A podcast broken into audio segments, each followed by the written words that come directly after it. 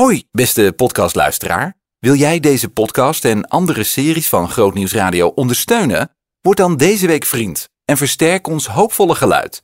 Ga naar grootnieuwsradio.nl slash vriend.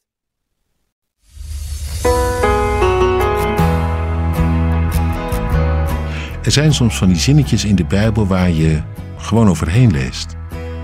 Dat je het stuk al, ik weet niet hoe vaak gelezen hebt en dat het je nooit echt opgevallen is. Je hebt trouwens ook wel eens gewoon in het leven van elke dag dat je ineens een huis ziet staan terwijl je er al jaren en dag langs heen fietst, maar het nog nooit was opgevallen.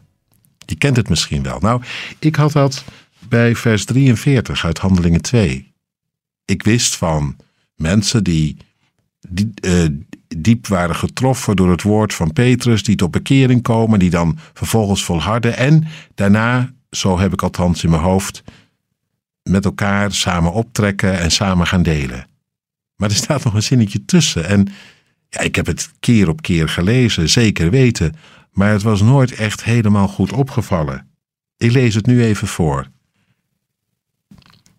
De vele tekenen en wonderen die de apostelen verrichten, vervulden iedereen met ontzag. Ik had altijd het idee dat er pas in Handelingen 3 weer een wonder gebeurde als die verlamde die bij uh, de tempel zat door Petrus wordt genezen, maar het begon gelijk al, gelijk na die Pinksterdag, veel tekenen en wonderen, zo staat hier. Die door de handen van de apostelen gebeurden.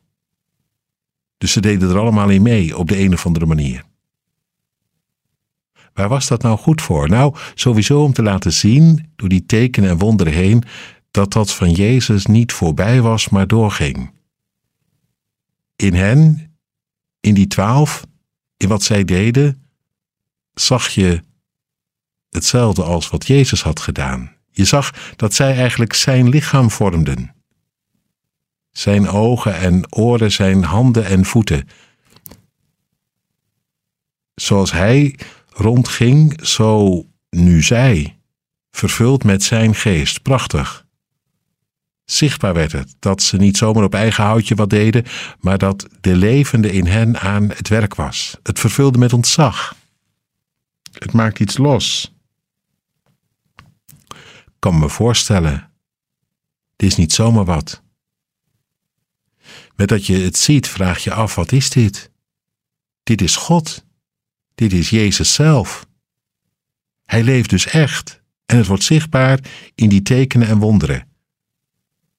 Het was wel nodig ook daar in Jeruzalem, hè? want het was daar keihard, keihard verzet geweest, keihard ongeloof, keiharde verwerping. Dus er waren ook wel wat tekenen en wonderen voor nodig om, om dat te breken. Het lijkt alsof de geest alles op alles zet, om juist in Jeruzalem opening te maken voor dat van Jezus. Weet je, ik denk dat het nog altijd zo is. Door tekenen en wonderen is Hij erop uit om iets open te breken waar het helemaal pot dicht zit. Tekenen en wonderen gebeuren niet voor de aardigheid of om onze plezier te doen of als uh, een leuk extraatje. Tekenen en wonderen gebeuren om ruim baan te maken voor het evangelie. Tekenen, dat zijn kleine signalen, waardoor mensen ineens ontdekken: er is meer dan niks. Zou het dan toch waar zijn? En een wonder, ja, dat is iets wat je nooit had kunnen bedenken, maar wel gebeurt. En waardoor je er gewoon niet meer omheen kunt. Dit moet van God zijn. Het kan niet missen. Dit is Jezus zelf. Nou ja, Raar als het geen ontzag zou geven en je schouderophalend eraan voorbij kan gaan. Hoewel, dat altijd kan natuurlijk. Helaas.